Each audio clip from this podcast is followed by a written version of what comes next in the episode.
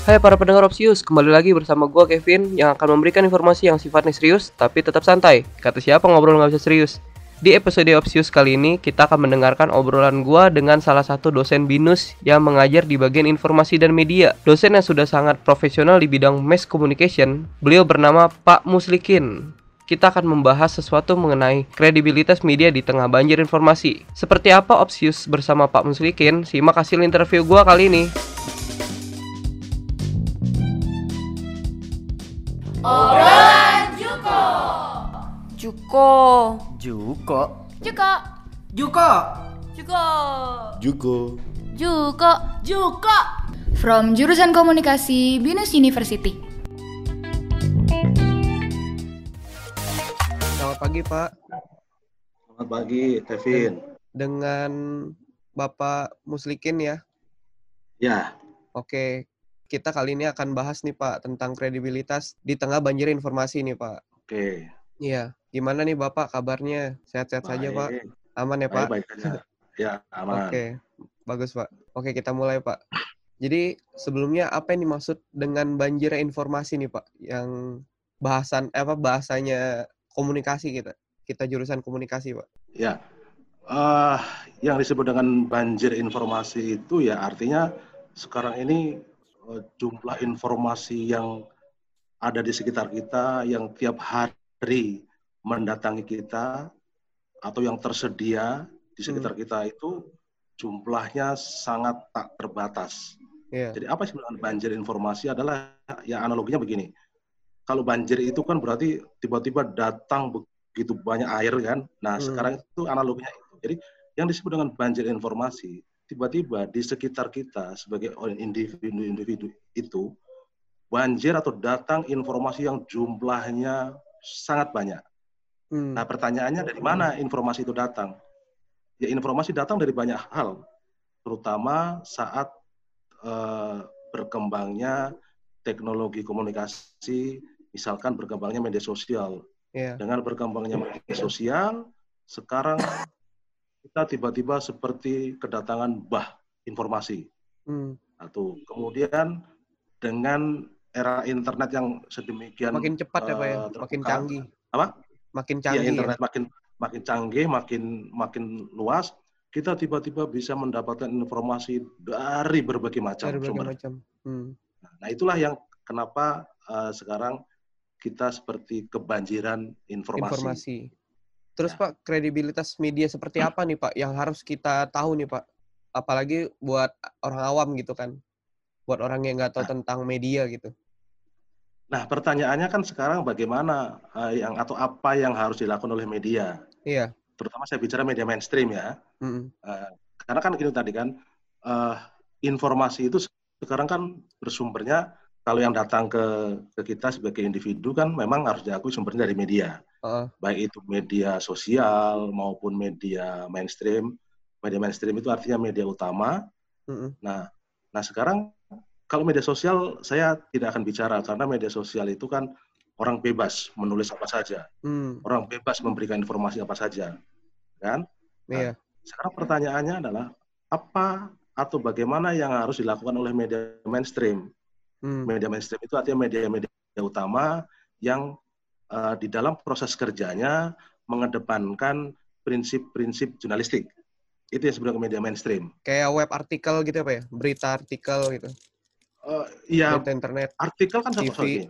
Ada ada juga media-media web eh, online yang dia saya sebut bukan media mainstream Oh karena iya. dia karena dia di dalam pekerjanya tidak mengedepankan prinsip-prinsip dan etika jurnalistik. Hmm. Jadi yang saya sebut dengan media mainstream adalah media yang di dalam proses kerjanya mengedepankan prinsip-prinsip jurnalistik dan etika jurnalistik. Oh. Oke nah, oke. itu itu yang disebut media mainstream. Hmm.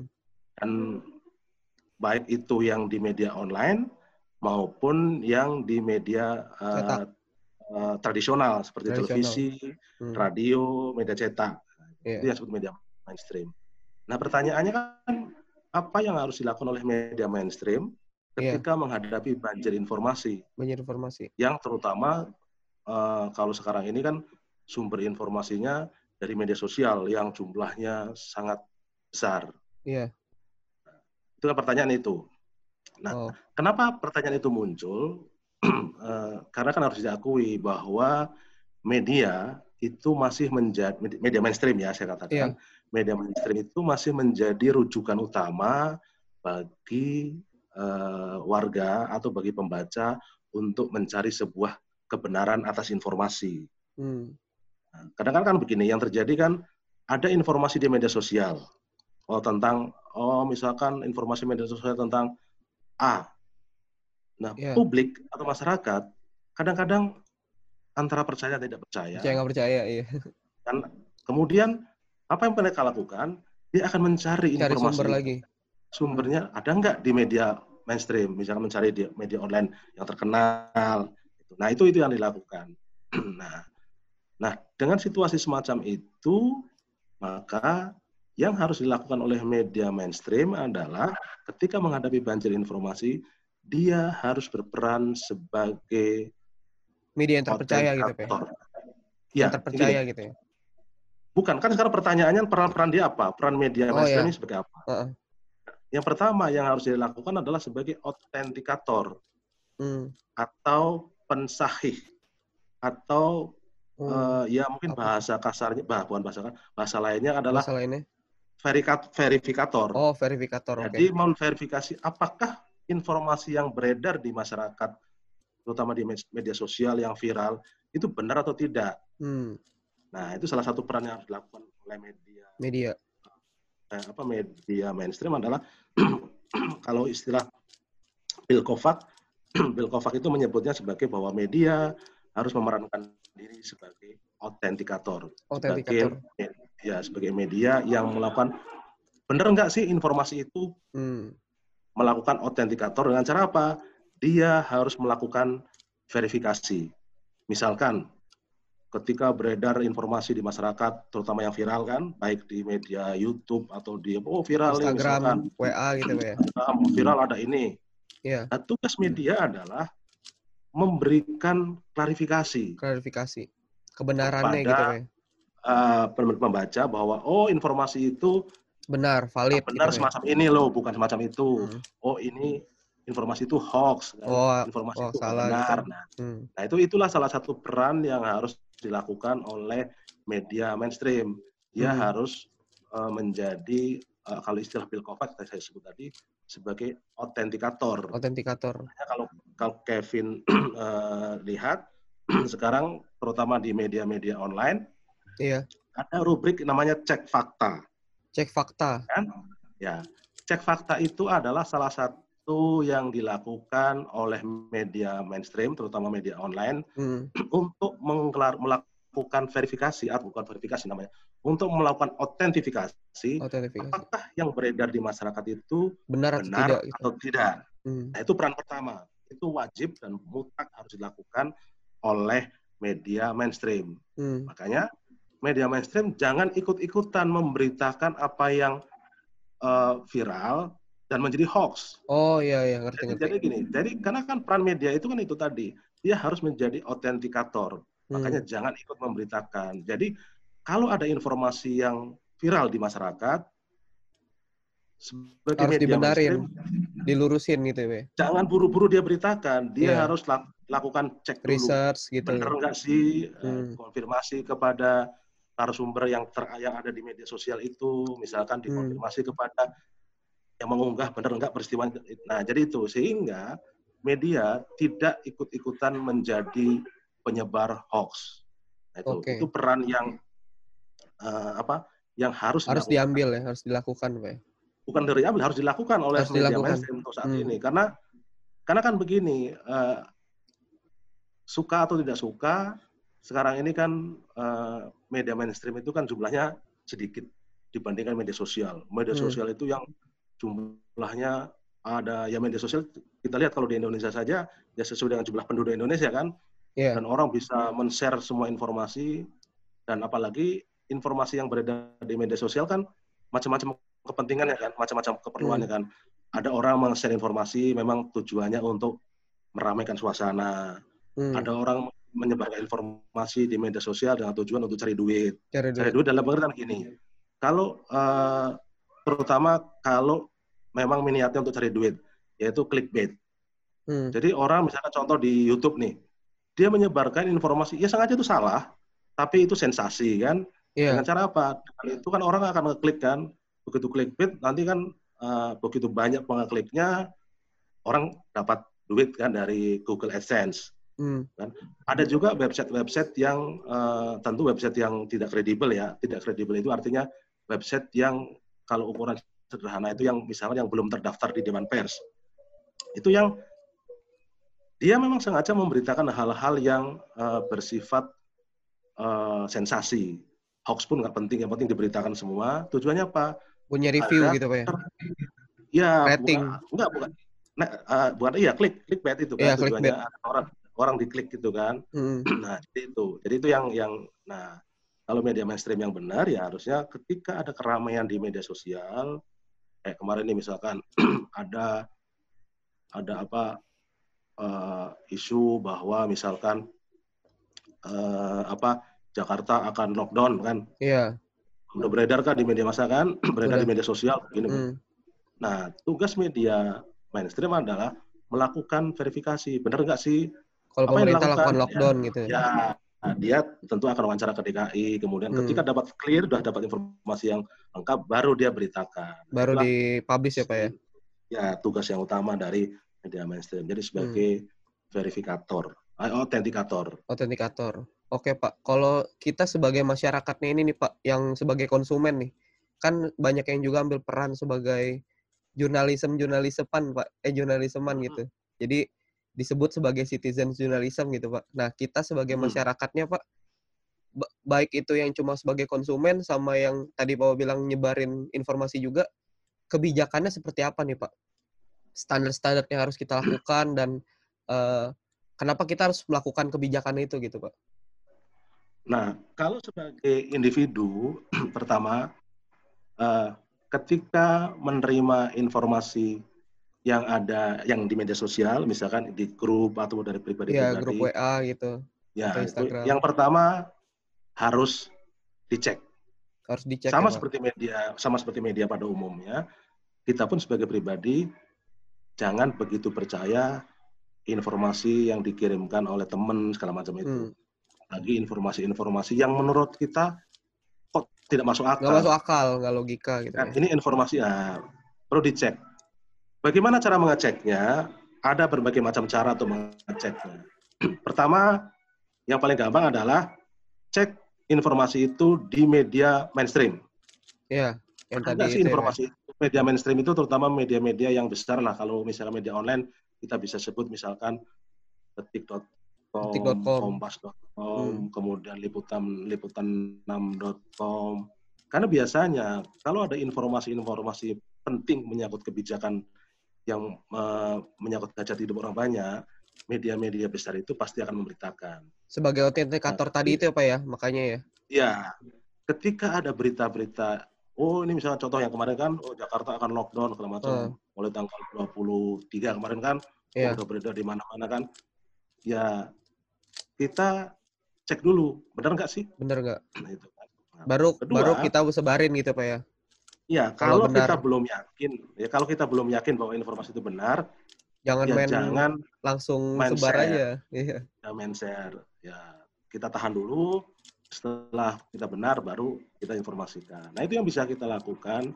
Nah sebagai kalau kita sebagai sebagai penerima. Penerima. Kemudian yang kedua, kalau kita sebagai eh, warga yang ingin memproduksi informasi, Iya. yang ingin nge-share kepada masyarakat, kepada yang lain, ya Hmm. tentu produksilah informasi yang memang benar, Yang akurat gitu ya.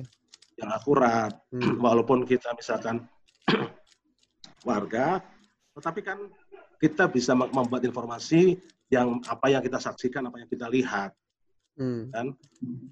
Kalau membuat caption atas misalkan video, buatlah caption yang sebenarnya. Iya. Kayak contoh misalkan kayak hari ini kan ada informasi yang tiba-tiba beredar di masa di publik di media sosial. Jadi ada salah seorang pekerja pabrik Iya. di di mana tiba-tiba dia jatuh. Kebetulan pekerja pabrik itu eh, pakai masker. Dia jatuh kan dan Dikirain kejang-kejang. corona gitu. Nah, Kirain wah kemudian captionnya Hmm. kan korban corona berdah berjatuhan. Itu kan Nah, yang itu salah. tuh. Iya. Padahal Menimbulkan kepanikan apa ya? ya karena pekerja pa- padahal pekerja pabrik itu Iya. jatuh bukan karena corona, tapi Bukan karena karena dia corona. memang punya ayan, punya Hmm. penyakit ayan. Ya namanya Iya. kalau orang penyakit ayan, ya bisa saja tetap saja jatuh. Jadi intinya Hmm. jangan begitu yang belum pasti, kemudian eh, kita Main sebar-sebarin aja. main sebar kan. Iya. Sebagai masyarakat ketika mendapatkan informasi, terutama yang bersumber dari media sosial, Iya. pertama jangan langsung percaya apa yang Jangan beredar di masyarakat di Mm-mm. eh, WA misalkan atau di Facebook. Iya. Apa yang harus kita lakukan? Kita melakukan yang disebut dengan cek, Cek. cek fakta. Benar nggak sih? Ada sekarang berbagai macam cara kita sebagai warga biasa untuk melakukan cek fakta. Yang Hmm. pertama, kita bisa mengecek di media-media utama, media mainstream, misalkan ke Detik, ke Kompas, Iya. ke liputan liputan6.com, ke misalkan mediaindonesia.com dan segala macam itu. Ada nggak sih informasi yang seperti itu? Hmm. Biasanya informasi semacam itu eh, kalau yang Sudah terakreditasi gitu ya. ya sudah kepentingan jadi orang banyak pasti ada. Iya. Kalau tidak ada ya sudah. Eh, ya sebagai informasi ya sudah biarkan saja kita terima. Tapi karena kita tahu bahwa informasi itu tidak benar, jangan kita sebarkan. Hmm. Jangan ikut-ikut menyebarkan berita yang bohong. Takutnya menimbulkan kepanikan Jadi atau cukup saja kebencian informasi gitu ya. di kita sebagai penerima ya sudah cukup penting. Hmm. Jadi itu yang harus kita lakukan. Kemudian kalau yang aneh-aneh kadang-kadang kan Iya. sama kita harus bisa cek. Kalau misalkan mungkin ada sebetulnya ada berbagai macam cara untuk ngecek untuk foto ya. Heeh. Bagaimana apakah foto itu eh, Valid atau enggak benar gitu atau tidak seperti yang di keterangannya misalkan. Iya. Karena kadang ya karena kadang-kadang kan ada foto yang sudah lama, kejadiannya di mana, foto kemudian kayak misalkan di kopas, kopas ulang ditaruh di Hmm. tempat sesuai dengan kondisi kan sebetulnya kan nggak benar.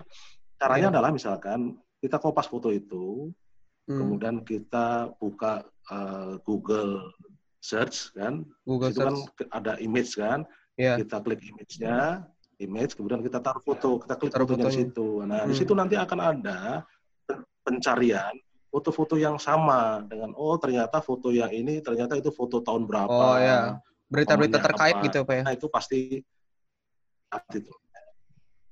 Nah, di fotonya Hmm. kita salah cara untuk melakukan pengecekan foto apakah foto itu benar atau tidak itu yang bisa Hmm. dilakukan oleh kita sebagai warga biasa ketika mendapatkan informasi baik berupa foto video juga bisa sama dengan cara itu video Hmm. juga di YouTube juga bisa kan kita cari juga Iya, di YouTube juga bisa. atau mungkin atau mungkin teks nah, nah itu yang bisa dilakukan oke Eh, Oke. Kesimpulannya berarti kita sebagai masyarakat yang baik dan bijak, kita harus memilah-milah informasi yang benar atau tidak dan mencari sumbernya apa ya? Yang sevalid mungkin gitu Pak ya. Baru kita iya boleh share lagi gitu ke orang-orang gitu ya. karena kan kita tidak bisa menghindari Iya. sekarang ini memang informasi sangat banyak jumlahnya kan Hmm. Oke, ada pertanyaan lain? Oh, Udah itu aja sih Pak. Oke, Terima kasih Pak atas waktunya. oke, terima kasih. Ya sehat-sehat ya Pak, Bapak dan Sama-sama, keluarga. Kevin. Selamat Yuk. Ya, yuk. Demikian hasil interview gue dengan Pak Muslikin. Seperti yang kita tahu, kita selaku konsumen harus tetap bijak dan mengerti apa yang bisa kita lakukan untuk media. Jangan sampai kita menjadi pelaku untuk merugikan orang lain lewat media. Gue Kevin di episode Opsius kali ini pamit. Sampai jumpa. Bye-bye.